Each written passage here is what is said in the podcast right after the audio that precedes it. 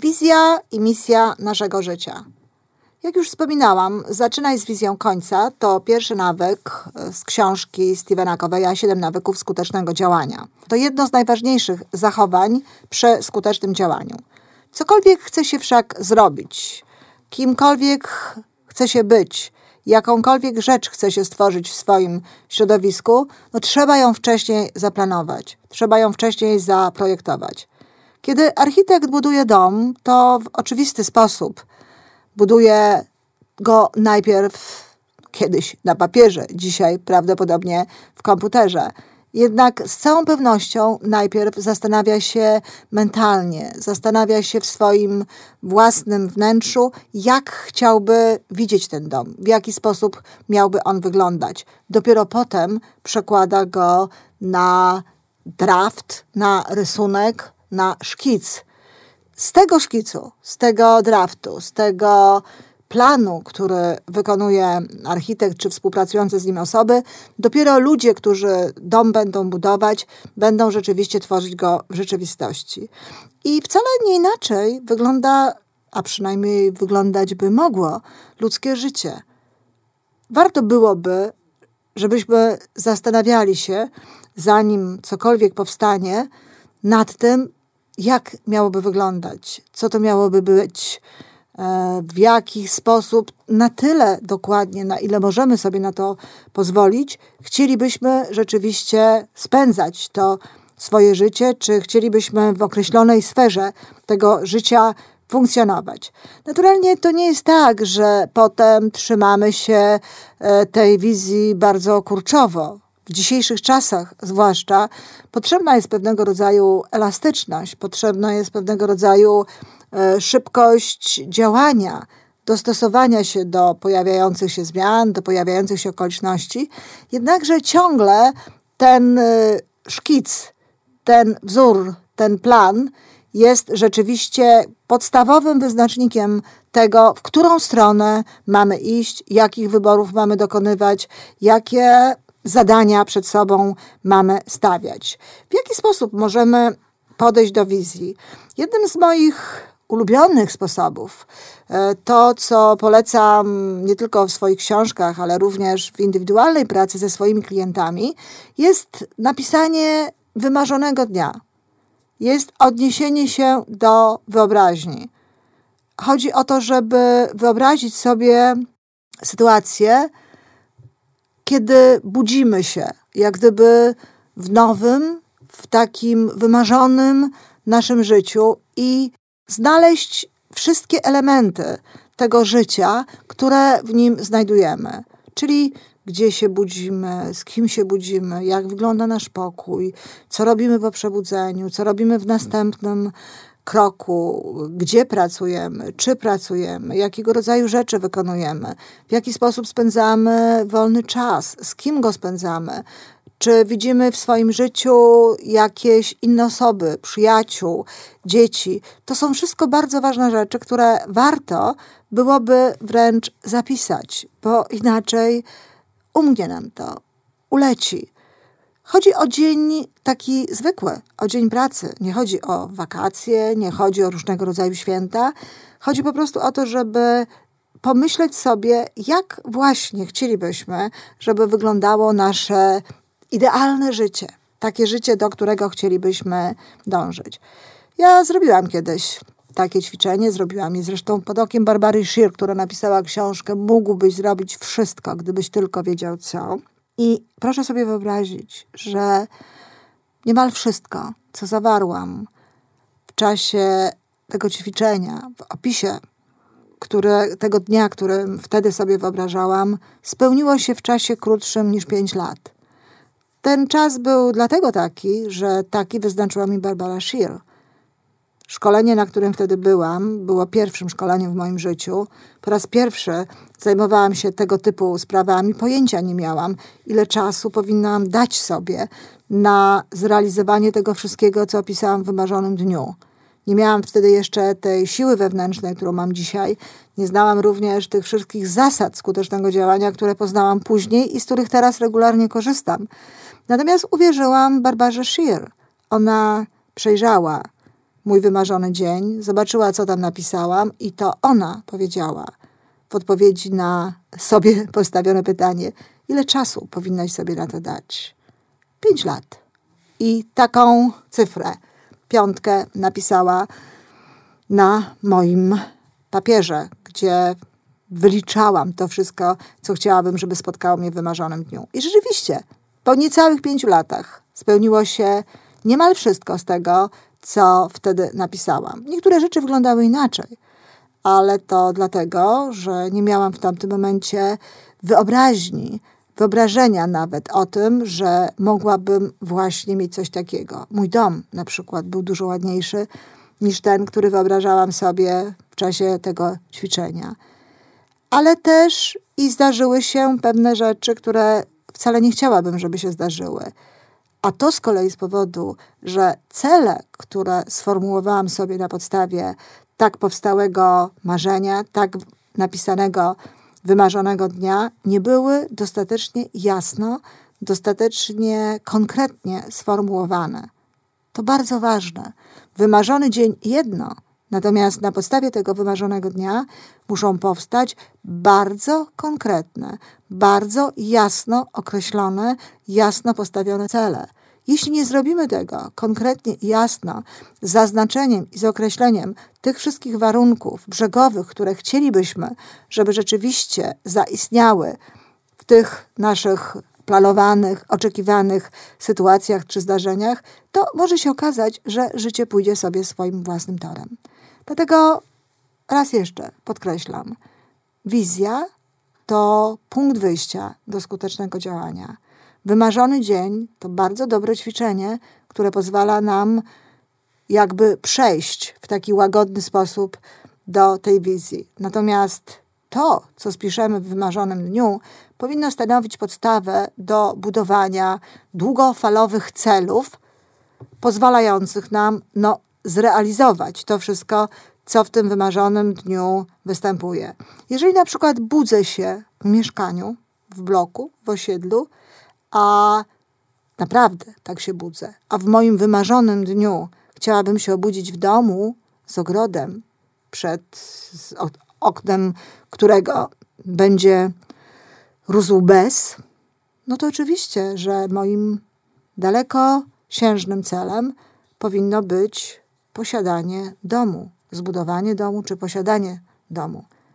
Cel będzie wtedy, kiedy dam mu datę realizacji, bo tak zdaniem Barbary Shear wygląda prawdziwy cel. Marzenie z datą realizacji. Czyli jeżeli chcę mieć dom, to powinnam napisać datę, do której ten dom ma zostać zbudowany. 5 lat, 3 lata, 10 lat. To jest kwestia tego, jak się czuję w tym momencie, jak wyobrażam sobie tę sytuację i swoje dalsze życie, ale ta data powinna się znaleźć. Jeżeli na przykład moim marzeniem jest studio dźwiękowe, takie, żeby można było nagrywać w nim, o, na przykład takie płyty, i chciałabym mieć takie studio, to też powinnam sformułować konkretną datę, kiedy to studio miałoby być. Za trzy lata, za pięć, za dziesięć, no tak, żebym wiedziała i żeby wszechświat wiedział, w jaki sposób mnie wspierać do tego właśnie działania. Jak mam postępować, w jakiej kolejności mam robić pewne rzeczy i co mi będzie potrzebne do tego, żebym mogła to zrealizować. W taki sposób buduje się strategię czyli przejście od celu do konkretu potem. Zazwyczaj jest tak, że niemal natychmiast po stworzeniu wizji i po zapisaniu sobie celu, który ma sprawić, że się ją uda zrealizować, można do kalendarza wpisać pewne konkretne zadania, które w zakresie każdego z tych celów można wykonać. I tym oto sposobem zaczynamy działać, zaczynamy robić pewne rzeczy. Czy skutecznie? No, to zależy od tego, na ile będziemy później po drodze stosować te zasady, o których tutaj rozmawiamy. Oprócz wizji, warto mieć misję.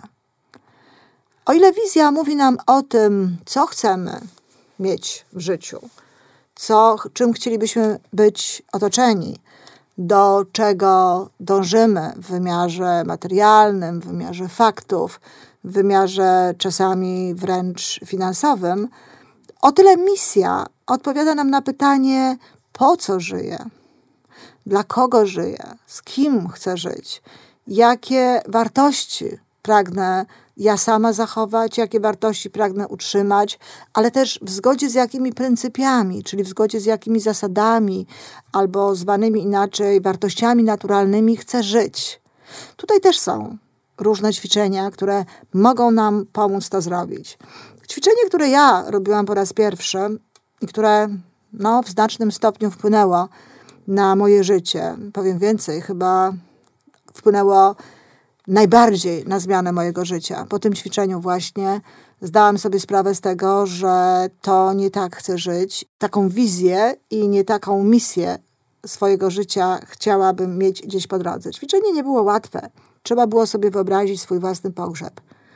Ilekroć o tym mówię, widzę na twarzach osób uczestniczących w moich szkoleniach, no, lekką niechęć, e, lekki opór. To tak to już my mamy w społeczeństwie zachodnim, że nie chcemy mówić o śmierci, nie chcemy mówić o pogrzebie, y, ani o naszym własnym, ani o czyimś innym.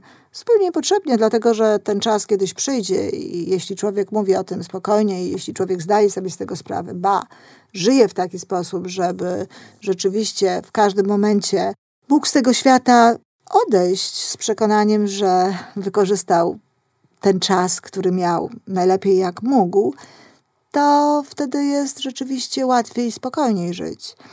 Ale tak to już jest i myślę, że z tego właśnie powodu Stephen Covey, który najpierw mówił o pogrzebie i o wyobrażeniu sobie tego pogrzebu, zmienił to ćwiczenie i potem zaczął mówić o 85 urodzinach. Proponował, aby wyobrazić sobie swoje 85 urodziny i na podstawie tych, tego dnia y, określić, kto jest z nami i co mówi nam o nas, o naszym życiu, o tym, kim jesteśmy dla nich, w jaki sposób funkcjonujemy, właśnie ten, ten człowiek, ta dana osoba. Wszystko jedno. Czy wolisz wyobrazić sobie pogrzeb, czy wolisz sobie wyobrazić 85 urodziny, zrób to. Zbierz ludzi, którzy są dla ciebie ważni, zbierz ludzi, którzy są ci bliscy. Y, pomyśl o tych, które jeszcze mogą pojawić się w twoim życiu. Twój wymarzony pracodawca, twój wymarzony wspólnik, ludzie, których obecnie prowadzisz, czy których chciałbyś ewentualnie prowadzić, twoje dzieci, nawet jeśli ich nie masz. I pomyśl o tym, co chciałbyś usłyszeć od każdej z tych osób. Co chciałbyś, aby powiedziała o tobie? w jaki sposób chciałbyś być zapamiętanym, czyli co chciałbyś włożyć tak naprawdę do życia tych ludzi. Wypisz sobie te wszystkie osoby. Bardzo ważną sprawą jest to, żeby pisać w sposób konkretny, w taki sposób, który da nam potem jakby wskazówkę, co możemy robić, w jaki sposób powinniśmy funkcjonować, żeby rzeczywiście zostać w taki sposób zapamiętanym.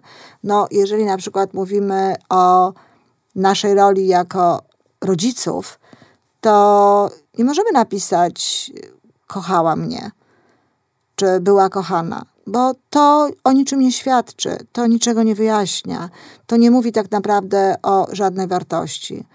Można natomiast napisać, że słyszymy od naszych dzieci, na przykład nauczyła mnie, jak być szczęśliwym. Pokazała mi, że mam prawo do szczęścia. Nawiasem mówiąc, to jest to, co ja napisałam przy swojej roli matki. To jest to, co ja chciałabym usłyszeć od swoich dzieci, kiedy już świadomie pisałam swoją misję dawno temu, ponad 20 lat. I muszę powiedzieć, że udało mi się to. Wiele razy słyszałam od swoich dzieci, szczególnie od mojej starszej córki, że nauczyłam ją, jak być szczęśliwą i że pokazałam jej, że ma prawo do szczęścia i może oczekiwać, że to szczęście będzie rzeczywiście jej towarzyszyć i będzie jej udziałem w życiu. To wielka radość, bo przynajmniej w tym zakresie wiem, że rzeczywiście moje działania okazały się działaniami skutecznymi. Zrealizowałam rzeczywiście w, tej, w tym zakresie swoją misję. E, ja sama, kiedy pracuję z moimi klientami, jeszcze robię inne ćwiczenie. Nie, nie mówimy o pogrzebie, nie mówimy o 85. urodzinach, choć na pewno taka wizualizacja bardzo dramatyczna pozwala lepiej człowiekowi wejść w tę sytuację, ale zwyczajnie wypisujemy role, które pełnimy w życiu i które prawdopodobnie w życiu będziemy pełnić i mój klient czy moja klientka mają za zadanie zastanowić się po prostu, co chcieliby w tej materii usłyszeć. Już tylko takie zdania wypowiedziane, tylko takie słowa powiedziane przez osoby dla nas bliskie, przez osoby znaczące, osoby, z którymi pracujemy, z osoby, z którymi współpracujemy, spisane razem mogą stworzyć misję. Jeżeli ktoś chce, żeby miała ona jeszcze ładniejszy charakter, może nad tym sam popracować, może stworzyć zasady, pryncypia swojego działania, takie, które będą potem wskazywały jego drogę. To jest niezwykle istotny element skutecznego działania, dlatego że misja, działania, które chcemy zachować w stosunku do ludzi, w stosunku do naszych bliskich, czy pryncypia, w zgodzie z którymi chcemy działać, bardzo często modyfikują właśnie skuteczność naszych działań. To one właśnie troszczą się o to, żeby na przykład koszty były optymalne. To one powodują, to ta misja właśnie wpływa na to, że wiemy, że nie możemy oddać całego siebie pracy, że nie możemy oddać całego siebie w firmie, że wśród ważnych dla nas osób są dzieci, są nasi mężowie czy żony, przyjaciele czy inni członkowie rodziny, że być może jest jakaś grupa społeczna, z którą jesteśmy związani i dla której również chcielibyśmy mieć czas na różnego rodzaju e, wkład. I to powoduje, że w jakiś sposób musimy dzielić swoją energię i pamiętać o tym, że którekolwiek zadanie wykonujemy w naszym życiu, to musimy pamiętać o tym, żeby nie przesadzić z tymi kosztami, żeby nie straciły właśnie nasze dzieci, a przez to nasze wartości związane z tymi dziećmi, nasi partnerzy, a przez to nasze wartości związane z tymi partnerami, jak również pozostałe istotne osoby w naszym życiu. Misja ma jeszcze jeden element korygujący skuteczność działania. Jeżeli wyznaczymy sobie w misji pryncypia, w zgodzie z którymi chcemy żyć, które są dla nas ważne, to one regulować potem będą niczym kompas również nasze działania. Z całą pewnością nie przekroczymy wtedy tego, tej zasady działania w zgodzie z kompasem wartości, w zgodzie z moralnym kodeksem. Bo jeśli my sami mamy w swojej misji pewnego rodzaju kodeks moralny, który jest spisany, zapisany, zaznaczone są te zasady, w zgodzie z którymi chcemy funkcjonować, no to nawet nie musimy znać definicji skutecznego działania i nawet nie musimy wiedzieć o tym, że tak naprawdę trudno jest mówić o skuteczności bez zachowania kodeksu moralnego, aby żyć w zgodzie z tymi zasadami, bo zapewnia nam to właśnie nasza misja.